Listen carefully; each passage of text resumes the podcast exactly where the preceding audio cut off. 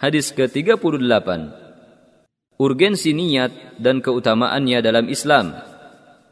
عن جابر رضي الله عنه قال قال رسول الله صلى الله عليه وسلم يحشر الناس على نياتهم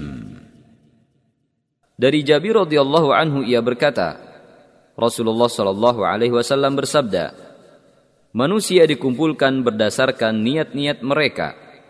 Hadis riwayat Ibnu Majah dan disahihkan oleh Al-Albani. Dan penggalan dari hadis riwayat Muslim nomor 2878 dan ini lafaz Ibnu Majah. Perawi hadis. Lihat hadis nomor 32. Beberapa faedah hadis ini adalah Hadis ini merupakan dalil akan nilai sebuah niat dan urgensinya serta keutamaannya dalam agama Islam, agama Allah Subhanahu wa taala dan bahwa pondasi amal berdiri di atas niat yang benar dan ikhlas karena Allah sesuai syariatnya. Niat yaitu menuju sesuatu yang dikaitkan dengan perbuatannya.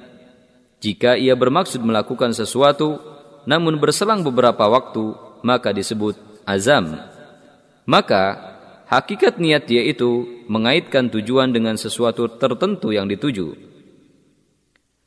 Al-Quran telah mengungkapkan niat yang baik. Al-Quran telah mengungkapkan niat yang baik dengan ikhlas dengan beberapa redaksi yang berbeda. Seperti menginginkan akhirat atau menginginkan wajah Allah atau mengharap wajahnya atau mengharap ridhonya.